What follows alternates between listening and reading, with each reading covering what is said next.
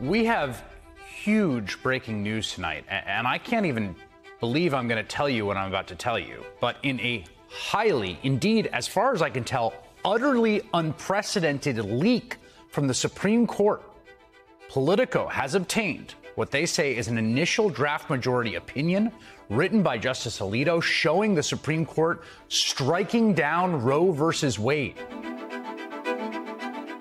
שלום, כאן ליאור קודנר, אתם לא התבלבלתם, אתם אכן מאזינים לפודקאסט חוץ לארץ, אבל השבוע אנחנו מביאים כאן פרק מיוחד, שאותו אני מגיש בדרך כלל בפודקאסט השבוע של הארץ, שם דיברנו על הפסיקה האחרונה של בית המשפט העליון בארצות הברית סביב נושא ההפלות.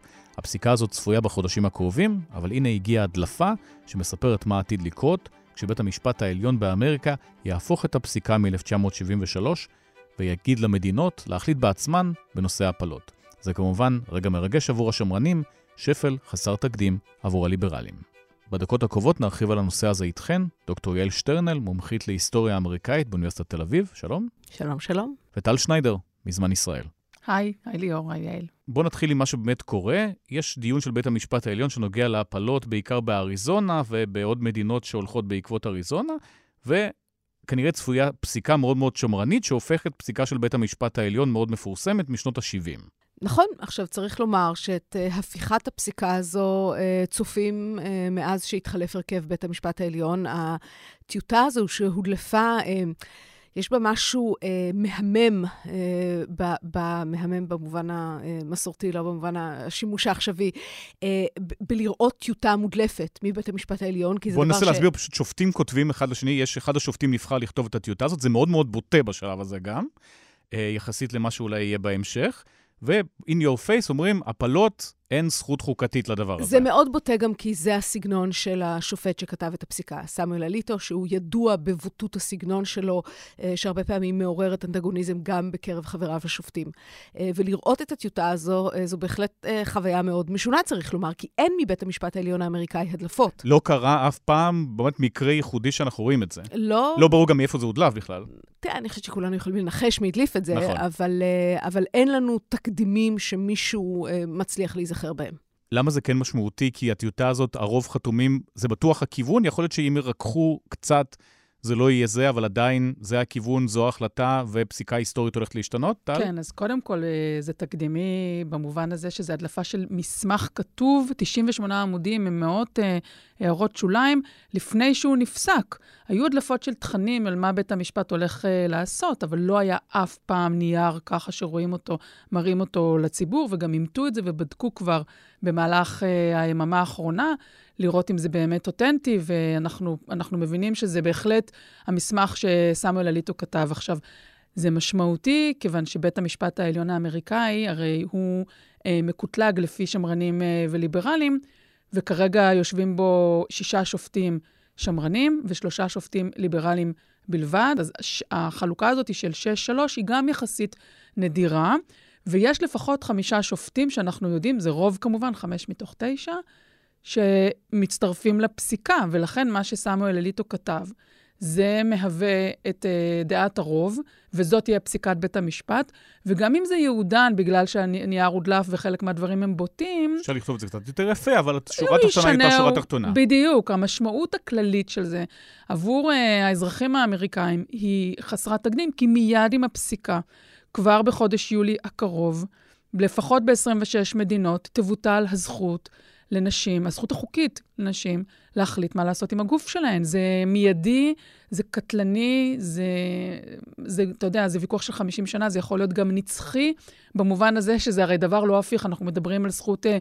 אה, ללדת או אה, לשאת אה, הריון ו- או לבטל את ההריון, זה לא דבר הפיך. אתם זוכרים, אם נזכרים בפסיקה של 1973, אותה אה, גברת שהייתה אלמונית הרבה שנים ואחר כך הפכה לגלויה בשם מקווי, נדמה לי, זה השם שלה, היא ילדה תוך כדי ההליכים ומסרה את הילד לאימוץ, כי היא לא הייתה כשירה בשום צורה, היא לא הייתה מסוגלת להחזיק להיות אה, אימא, מסרה את הילד לאימוץ, אחר כך היא התחרתה, אבל אנחנו, זה דרמטי לחיים של כל בן אדם, זה לא איזה, אתה יודע, מיסוי או משהו ככה, אה, זה משהו באמת קטלני. אז תכף נגיע להשלכות הפוליטיות, אבל יעל, בוא נצלול קצת להיסטוריה. הפסיקה הזאת, ההיסטורית של רוי נגד וייד, שם שבעה שופטים תמכו בזכות האישה להפלות.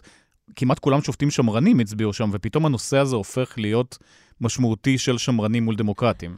תראה, הרכב בית המשפט העליון השתנה אה, באופן דרמטי בעשורים האחרונים, וצריך לומר שגם רמת הפוליטיזציה של בית המשפט העליון השתנתה באופן דרמטי.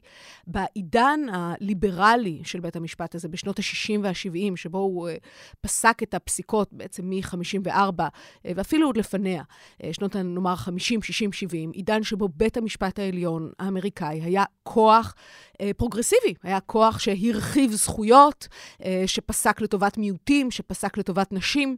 אה, זה היה עידן שבו החלוקות של רפובליקאי ודמוקרטי לא היו חדות וחותכות ואידיאולוגיות כפי שהן היום. השופטים השמרנים שיושבים היום בבית המשפט העליון הם שמרנים באופן אחר מזה ששופטים אה, שהיו לכאורה באותו צד של המפה אה, לפני 20, 30, 40 שנה. שם באמת ברוי נגד וייד השופטים מונו על ידי ניקסון ועדיין הצביעו בעד ההפלות. נכון, בגלל שכאמור, שמרנות נראתה אחרת בשנת 1973. מכפי שהיא נראית בשנת 2022 בבית המשפט העליון.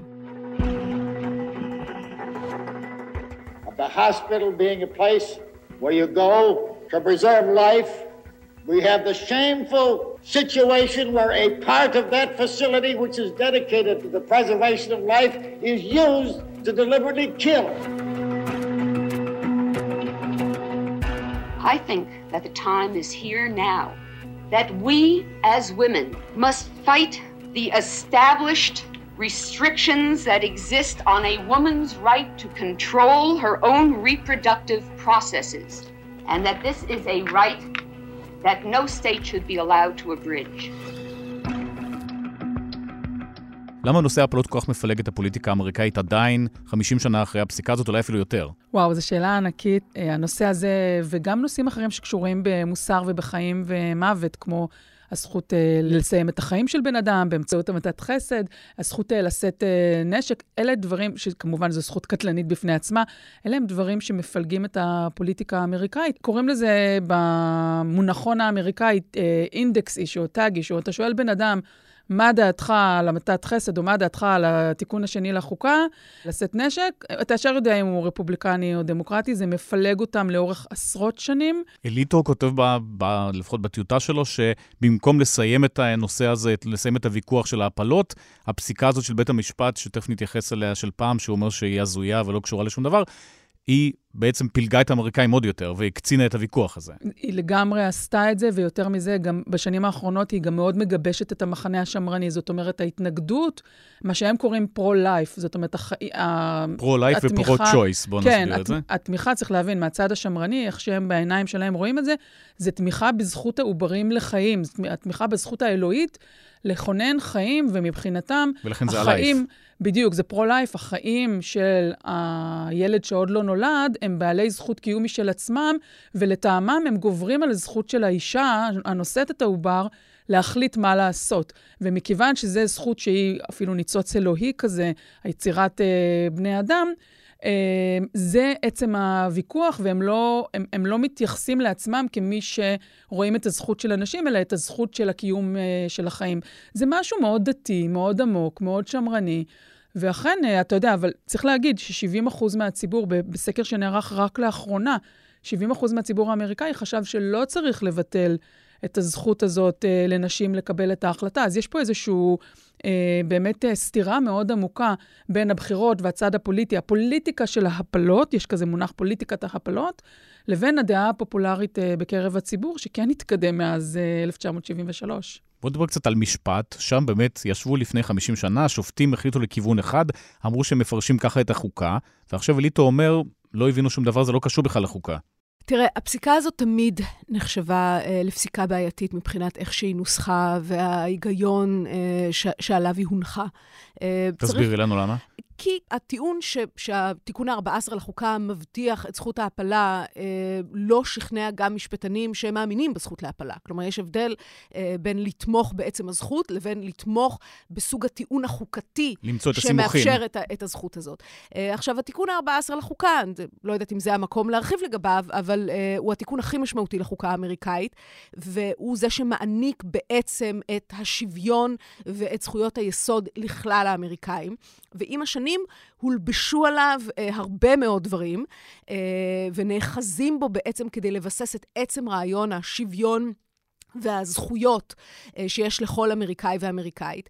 ואליטו טוען שזה אה, טיעון לא משכנע, שאין שום קשר בין התיקון ה-14 לחוקה, שצריך לומר עבר ב-1868, וזה תיקון שתכליתו הוא יצירת אה, גוף פוליטי חדש אחרי מלחמת האזרחים, שכולל גם את השחורים, גם את העבדים המשוחררים, לבין הזכות להפלה. ולכן הפסיקה הזאת היא פסיקה פגיעה.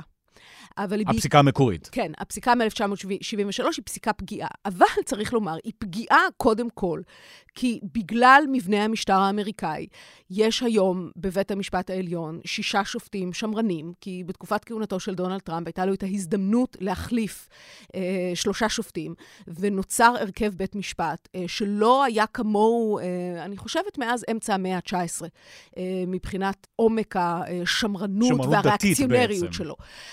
כן, תראה, זו שאלה גדולה, צריך לומר, כשזה מגיע להפלות. אה, אצל מי התמיכה אה, בזכות העובר לחיות היא באמת נובעת ממניעים דתיים עמוקים, יש לא מעט כאלו, ואצל מי היא אה, פוליטיקה אינטרסנטית, למשל, כמו אצל הנשיא לשעבר דונלד טראמפ, שהיה לאורך הרבה שנים תומך בזכות להפלות, וכשזה הפסיק להיות נוח, כשהוא היה צריך לגייס קולות של מצביעים שמרנים רפובליקנים, הפך להיות מתנגד נחרץ להפלות ומינה שופטים בהתאם. רק רציתי להגיד גם, אגב, אה, כל השופטים השמרנים שמונו בשנים האחרונות על ידי טראמפ נשאלו ספציפית על רו נגד וייד במהלך השימוע, נשאלו על הזכות להפלות, על פסיקות שלהם בעניין, וכמעט, אני חושבת שקוואנו למשל, הוא אמר בשימוע שרו versus וייד, הוא לא, לא יהיה פגיע, לא, לא יקרה לו כלום, ועל הבסיס הזה, אחת הסנטוריות, אה, קולינס, שהיא שמרנית אבל עם נטייה ליברלית, תמכה בו בסופו של דבר. זאת אומרת, יש עכשיו ממש ויכוח פוליטי על שופטים שהציגו איזה מצג לא מהימן בש... באותו שימוע מפורסם. אגב, שימוע שרוצים לעשות גם בישראל, על מה שופטים אומרים, ומה קורה כשמביאים בפניהם אה, תיקים. צריך להגיד עוד גם מילה אחת על נשיא בית המשפט העליון, שהוא שמרני, אה, מונה אה, על ידי אה, בוש, והוא למעשה גם עכשיו... לא הודיע באיזה צד הוא ילך. הוא תמיד מתנדנד. הוא מתנדנד. לא היה תמיד מתנדנד, הוא לא היה, והוא בשנים האחרונות עבר כמעט לצד הליברלי בהרבה פסיקות. כשג'ון רוברטס מונה, הוא היה סמן שמרני קשה. בבית המשפט העליון. מבחינת ליברלים, המינוי שלו היה טרגדיה. אלא שיתר בית המשפט העליון זז כל כך חזק ימינה, שג'ון רוברטס הפך להיות לשון המאזניים בבית המשפט. זה תהליך שבאמת לפני 15 שנה אי אפשר היה לדמיין אותו. אה, והוא בין היתר משמש כלשון מאזניים, ופוסק באופן שהוא גבולי מבחינת העמדות שלו, כדי לשמר את הלגיטימציה של בית המשפט העליון בעיני הציבור האמריקאי. הוא מאוד מוטרד מהאופן שבו בית המשפט העליון, בגלל שהוא אה, מוטה באופן כל כך חזק לכיוון אחד, פשוט יהפוך להיות אה, מוסד בלתי לגיטימי בעיני רוב הציבור שלא מסכים עם, עם אה, הרבה החלטות שלו. שזה מה שקורה עכשיו? תראה, ייווצר כאן עכשיו אה, פער גדול אה, בין מה שרוב הציבור רוצה לבין אה, מה שבית המשפט העליון פסק. אה, כשכמובן עולות שאלות נוספות, אילו פסיקות אחרות שהוכרז עליהן, שהן מה שנקרא settled law, כלומר חוק שהוא אה, אה, לא פתוח לדיון יותר, אה, האם גם למשל נישואים חד-מיניים? אה, זה נושא שאפשר לחזור ולדון בו אחרי שהוא הוכרע באופן חד משמעי ב-2013. אה, להגיד זה התאים אז, היום זה כבר לא מתאים. כן, שגם הפסיקה הזאת, אפשר לערער עליה, והרי, תראו, פרשנות החוקה זה, זה דבר אינסופי. החוקה, אה, למי שקרא אותה ומכיר אותה, היא מסמך מאוד עמום ומאוד פתוח, אה, שכל קונגרס מפרש אחרת וכל שופט ושופטת מפרשים אחרת. גם אגב בכוונה, זאת אומרת, עשו את זה בכוונה כדי שאפשר יהיה ללכת בהחלט, לכיוונים האלה. בהחלט, כי החוקה היא מסמך אה, צופה פני עתיד, שכתבו ב-1787, מתוך אה, ציפייה שהיא אכן תשמש את ארצות הברית אה, עשרות ומאות שנים קדימה. ומהרבה בחינות, אה, זה באמת מפעים שהמדינה הזו מצליחה להחזיק מעמד. אה, אבל נוצר בה מבנה משטר, אה, צריך לומר, שבאופן סיסטמטי לא משקף את הרצון של רוב הבוחרים. אפשר טכנית לעשות תיקון לחוקה ולאפשר את הזכות להפלות, אין סיכוי פוליטי שזה יקרה בשנים הקרובות. זה, נכון, ואני נזכרתי קודם... אליטה קצת רומז לזה, אגב. נזכרתי קודם כשיעל דיברה על, על התיקון לחוקה 14, נזכרתי על התיקון לחוקה שניסו לעשות בסכום המגדר והשוויון. הרי צריך להעביר את זה בתהליך ב, בתוך מדינות ארצות הברית, צריך נדמה לי 34 מדינות שיצביעו עבור התיקון. שלושת רבעי מהמדינות צריכות לאשר אז. יותר, ולמעשה זה עבר כמות די גדולה של מדינות, אותו תיקון לחוקה. ארוכה של שוויון מגדרי, שאם הוא היה היום בתוקף, אולי לא ניתן היה... אפשר היה להסתמך עליו. בדיוק, לא ניתן אולי היה לבטל את אותה פסיקה, אבל הוא, הוא כמובן לא נכנס. יכול להיות שזה יחזיר את הוויכוח על אותו תיקון לזכות אה, לנשים לשוויון, כי אנחנו רואים בפסיקה הזאת, אני רק רוצה עוד להגיד, גם הפסיקה הזאת הצפויה, מעבר ללהט"ב שאולי יהיה בבית המשפט העליון בקיץ, ומעבר לזכות אה, להפלות, הולכת להיות פגיעה מאוד קשה בזכות אה, לאמצעי מניעה. מה זה אומר הזכות לאמצעי מניעה? אי אפשר ללכת לבית מרקחת ולקנות? אפ, אפשר בכסף רב, אבל אם אה, יש חברת ביטוח שרוצה לממן את זה, היא לא תוכל לעשות את זה יותר, ובחורות עניות, שהן עיקר מקור הצהרה אה, בנושא הזה של הריונות לא רצויים, הריונות בגיל צעיר, נשים שלא יכולות לנסוע מרחקים כדי לבצע הפלה, כל העסק הזה, או אפילו הגלולה של היום של אחרי, הדברים האלו עשויים להיות מחוץ לחוק, ממש בקרוב. לפגוע בכיס כדי לצמצם את מספר ההפלות. בוודאי.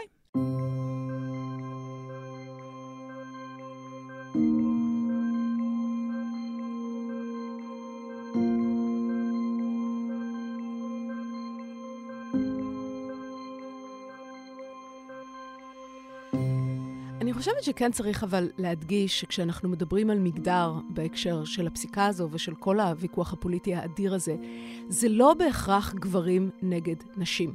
אה, יש אה, נשים אה, מרמת רופאת המשפחה שלא מסכימה לרשום גלולות למניעת הריון, ועד שופטות עליונות, או השופטת העליונה אימי קוני ברט, שמונתה על הטיקט הזה של מתנגדת נחרצת ואידיאולוגית להפלות. זה היא אמרה בצורה מאוד מפורשת, לא היה מחלוקת על זה בכלל. היא ידעה בזה, היא... כל הרקורד המשפטי שלה מאופיין בזה. לא היה שום ספק מדוע היא ממונה לבית המשפט העליון.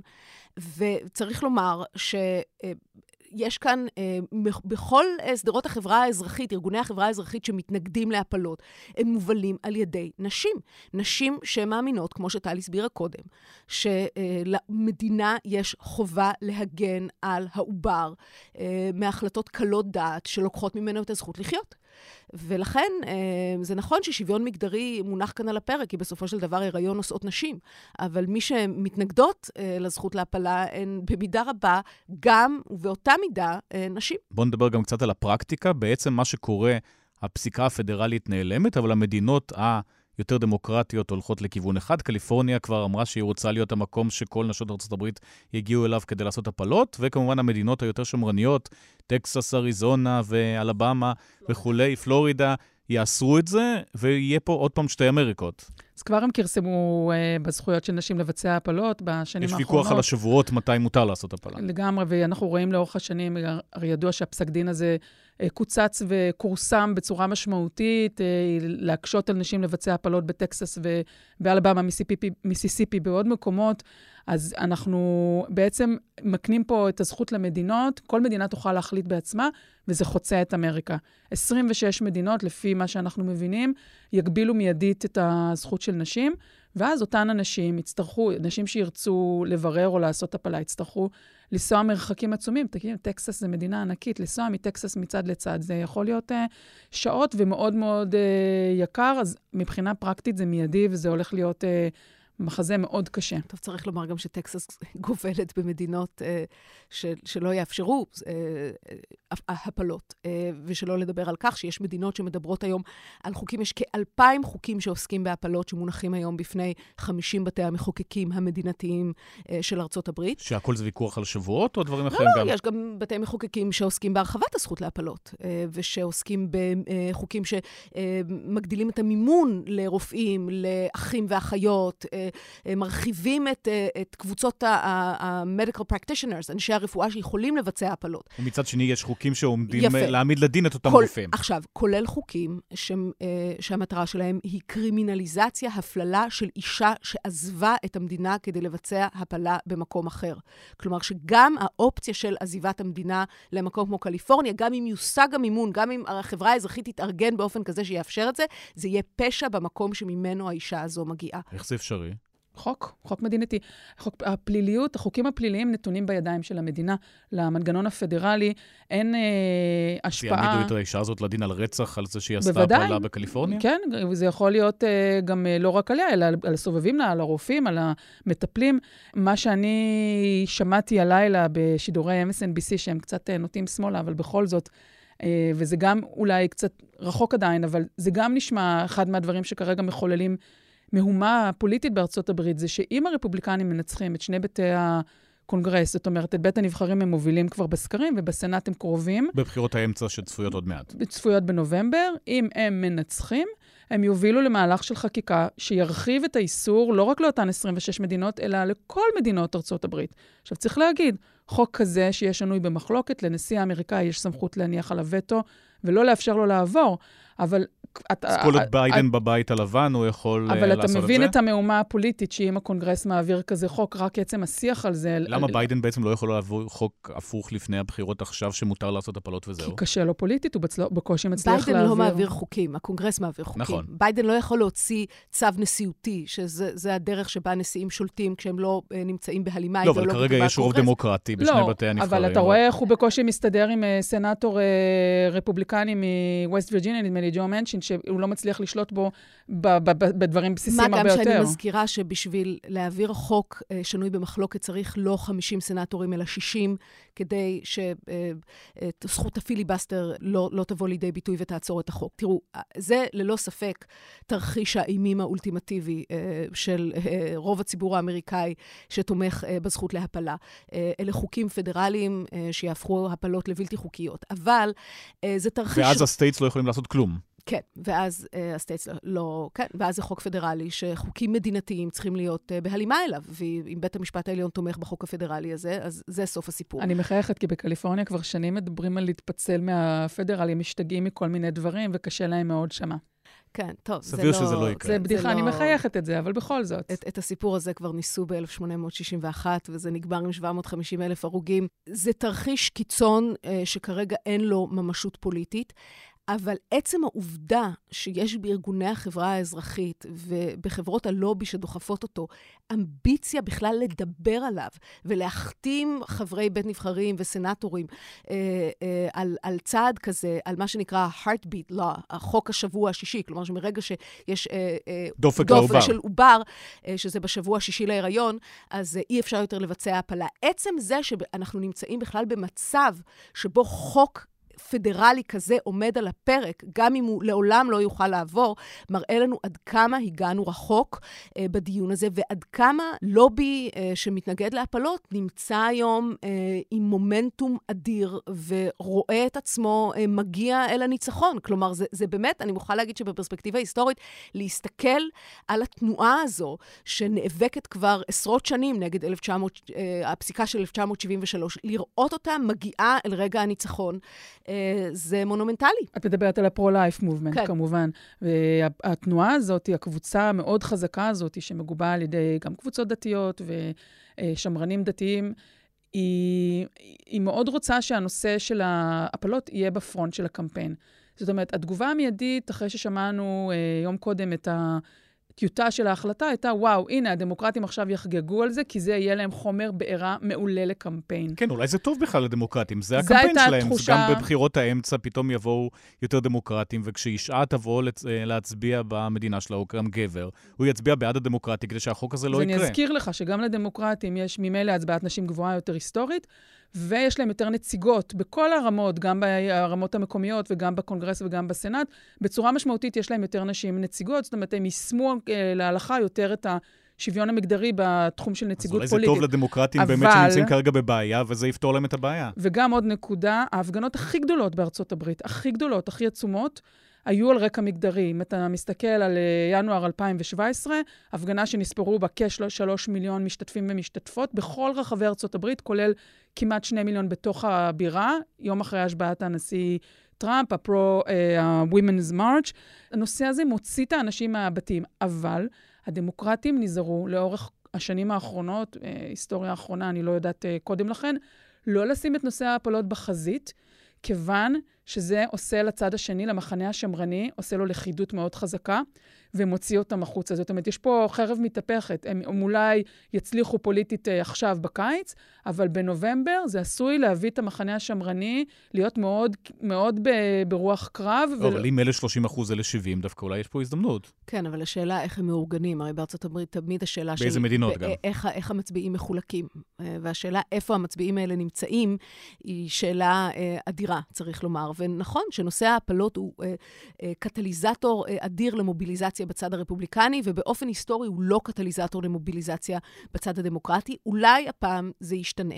צריך לומר שאנחנו רואים דינמיקות אה, שלא ראינו בעבר בשנים האחרונות בצד הדמוקרטי, מכל מיני סוגים, תמיכה אה, ומוביליזציה סביב נושאים שלא חשבנו שנראה סביבם תמיכה, אה, וייתכן שזה יקרה גם בנושא ההפלות. ביידן יכול עכשיו לעשות משהו, או שהוא רק יכול אה, לחייך כשתבוא הפסיקה הזאת באמת בעוד כמה חודשים, והטיוטה תהפוך למשהו אמיתי? טוב, בלילה מיידית אחרי שזה קרה, שמענו ישר את ננסי פולוסי מגיבה במתקפה פוליטית חריפה ביותר.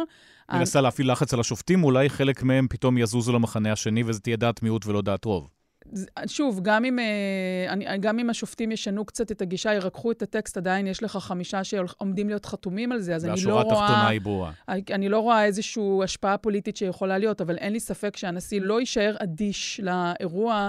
אנחנו נשמע אותו מתבטא, וכמו שאמרתי, במפלגה הדמוקרטית התחילו כבר לשלוח אימיילים של גיוס תרומות על בסיס הנושא הזה. זאת אומרת, זה מאוד פופולרי להגיד, תראו את ההחלטה, בואו תתרמו למפלגה הדמוקרטית. זה הסימן הראשון לפעילות הפוליטית. וזה הולך uh, להיות uh, בלב הקמפיין של הדמוקרטים, בזה אין ספק, וביידן יש לו בנובמבר uh, קמפיין, uh, אתה יודע, יש לו, מה, יש לו מה לדאוג, כי המצב שלהם בסקרים, גם שלו אישית, אגב, המצב שלו בסקרים, התמיכה האישית בו היא, היא די נמוכה. יותר גרועה מטראמפ אולי אפילו בחלק מהסקרים. בערך מה... באותה רמה. השיעורים כמעט הכי נמוכים שיש uh, לנשיא, הוא במצב לא טוב, ואם הנושא הזה יכול לעורר... את המחוזות הפרוגרסיביים ואת הקבוצות שאולי לא רוצות לצאת להצביע. שוב, אנחנו מדברים על נשים שאמורות להיות מושפעות לזה, שאמורות להיות יותר עניות. מי זה העניים באמריקה? בואו נגיד את האמת, זה שחורים. שחורות ו... במקרה הזה. שחורות והיספנים. זאת אומרת, זה הקבוצות אוכלוסייה שהמפלגה הדמוקרטית מאוד רוצה להוציא. אבל איפה? בפלורידה אין להם, אין להם כל כך אה, תמיכה.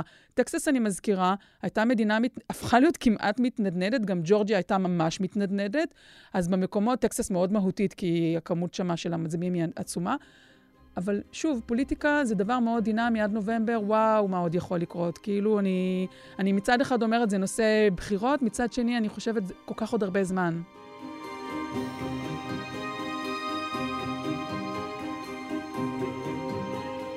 Mr. Trump, you're pro life, but I, I want to ask you specifically do you want the court, including the justices that you will name, to overturn Roe v. Wade, which includes, in fact, states a woman's right to abortion? Well, in the ninth month, you can take the baby and rip the baby out of the womb of the mother just prior to the birth of the baby. Now, you can say that that's okay And Hillary can say that that's okay, but it's not okay with me. But I'm asking you specifically, would you if like to... If they overturned it, it'll go back to the states. דונלד טראמפ, לפי הדיווחים, אולי הולך לרוץ גם בעוד uh, שנתיים, עוד פעם לנשיאות. ביידן אולי הולך uh, לרוץ מולו גם, שני האנשים האלה נפגשים עוד פעם. אז אולי זה יהיה נושא המחלוקת המרכזי, וביידן ככה יצליח לחזור, uh, לחזור לעצמו, או שאין סיכוי. אה, וואו, אה, ליאור, אה, זה כמו לשאול על השאלה על הפוליטיקה הישראלית, אם נושאת פני קדימה ל... מי יהיה ראש ממשלה? אי אפשר לדעת, האנשים באמת מבוגרים, שניהם, ולא נראים בריאים, שניהם, אני חייבת להגיד, אז אני לא יכולה לצפות... גם פיזית וגם מנטלית, לפחות לפי הדיווחים. כן, אני לא יודעת לצפות מי, מי יתמודד בעוד כל כך הרבה זמן. אנחנו ככה מדברים בהססנות על ה-midterms של נובמבר, שזה עוד הרבה זמן. אז לגבי 2024, קשה מאוד לחזות. מה שראינו עד עכשיו זה שבמפלגה הרפובליקנית לא מעוניינים להתעמת עם טראמפ. זאת אומרת, אם טראמפ ילך לו מעולה בנובמבר הקרוב, אז הסיכויים שהוא... נסביר מה זה אומר, שמועמדים שהוא תומך בהם ייבחרו ויגיעו... בדיוק. הוא מעוניין להפיל את ליז צ'ייני למשל, הוא מעוניין... אה, הוא תומך בכל מיני מועמדים, חלקם שוליים, חלקם לא, אבל אם הוא יצליח אה, להעביר את הרוב בבית הנבחרים ובטח בסנאט, ויהיה לו הצלחה אדירה בקלפיות בנובמבר, אתה תראה אותו ככל הנראה מתמודד ב-2024. לגבי ביידן, זה מוקדם מדי אה, להכריע, אבל גם במפלגה הדמוקרטית מקובל שאם נשיא מחליט להתמודד, אף אחד לא הולך מולו. אז האופציה שתיארת היא אפשרית, אבל האם נושא ההפלות עד אז יהיה הנושא על הפרק? וואו, זה באמת אי אפשר לדעת. בוא נדבר על הסוגיה היותר עקרונית. פה באמת פעם פסיקה של בית המשפט העליון הייתה משמעותית, הלכה איתנו דורות. חשבנו שדבר אלוהים חיים, ופה פעם היא הייתה כזאת, פעם היא כזאת. בתור האזרח האמריקאי שאמור בסוף להישמע להוראות האלה, לא ברור לאיזה מהפסיקות אתה אמור להישמע. תראה, כן ברור לאיזה מהפסיקות אתה אמור להישמע. האחרונה שבהן. האחרונה. תראה, אה, בוא נאמר ככה, יש פסיקות אה, שמחזיקות מעמד לנצח, ויש פסיקות שהופכים אותן. אה, למשל, הפסיקה מ-1896, שקבעה שהפרדה גזעית היא חוקית בארצות הברית, נהפכה על פיה ב-1954. אבל אולי יכולה להתהפך שוב. אני בספק, אבל באופן עקרוני, כן. כלומר, 50 שנה הפסיקה הזו החזיקה מעמד, אה, ואנחנו בעידן אחר, עם פוליטיקה אחרת, עם אה, רמות אחרות של מוביליזציה אידיאולוגית, אה, ולכן זה לחלוטין לא מפתיע, ולמעשה צופים שזה יקרה כבר חודשים ארוכים, אנחנו עומדים בפני הפיכת הפסיקה הזאת. זה בעצם עוד תחנה צריך לומר, במאבק הנצחי בין המדינות לממשלה הפדרלית, ובין השאלה האם אמ, דברים צריכים להיות מחוקקים, כלומר להתקבל ולהיקבע ברמת המדינה, או האם אה, הזרועות הפדרליות, בין אם זה הממשלה, הקונגרס או בית המשפט העליון, הם אלו שמכתיבים איך ייראו החיים באמריקה. טוב, פה דווקא בית המשפט העליון אומר, אה, מחזירים את זה למדינות, ובואו תחליטו אתם, אנחנו לא רוצים. נכון, שזה אגב היה המצב לפני 1973. מדינות, זה היה נושא, הפלות היה נושא שמדינות הכריעו בו אה, כל אחת לפי המבנה והאופי האידיאולוגי שלה.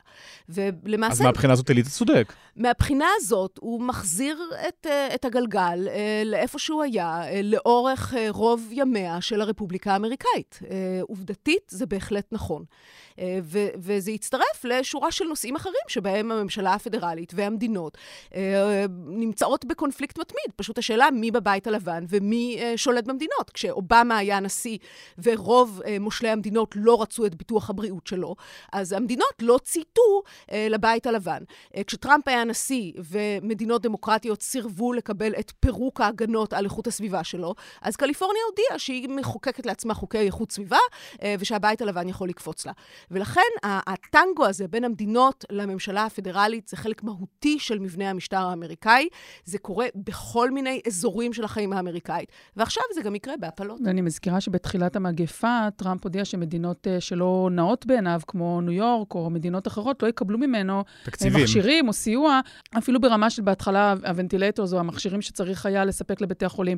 בעוד שיש מסורת מאוד ותיקה של מעורבות סיוע פדרלי כספי למדינות באסון, כשיש באוקלאומה סופה גדולה, אוקלאומה או אה, וירג'יניה או מי שנמצאת תחת בצורת לא מתיימרת לפתור את זה בלי כסף פדרלי, וכאן הן כן זקוקות uh, לסיוע, אבל הן אומרות, המדינות אומרות, uh, תביא לי כסף, אבל אל תתערב לי אם אני רוצה לחוקק עונש מוות, או אם אני רוצה לחוקק אה, איסור הפלות, אם רופא אצלי, אני רוצה להפוך אותו לעבריין, אל תתערב, אבל כן תביא לי כסף כשאני לא מתמודדת, כשאין לי וכולי וכולי.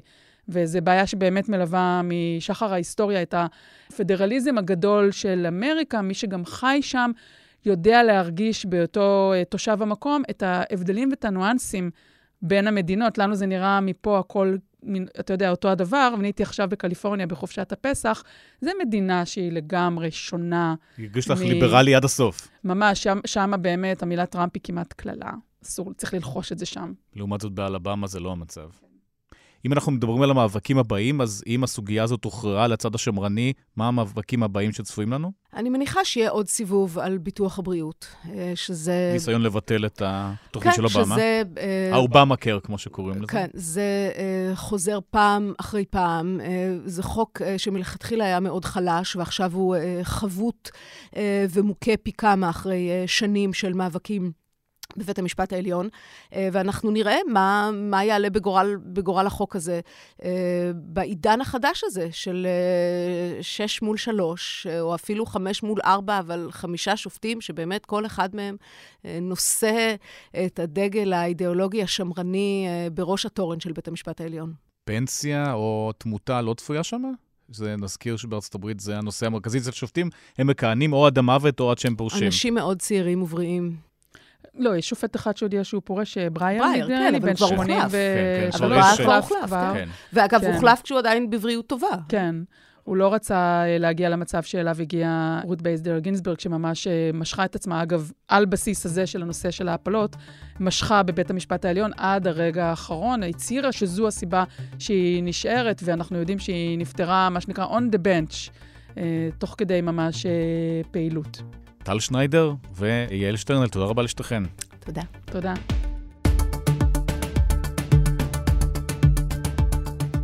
הארץ השבוע כאן סיימנו, הפיקו אמיר פקטור וניצה ברגמן, על הסאונד דן ברומר ושני אבירם, אני ליאור קודנר, אנחנו נהיה פה גם בשבוע הבא, בינתיים חג שמח.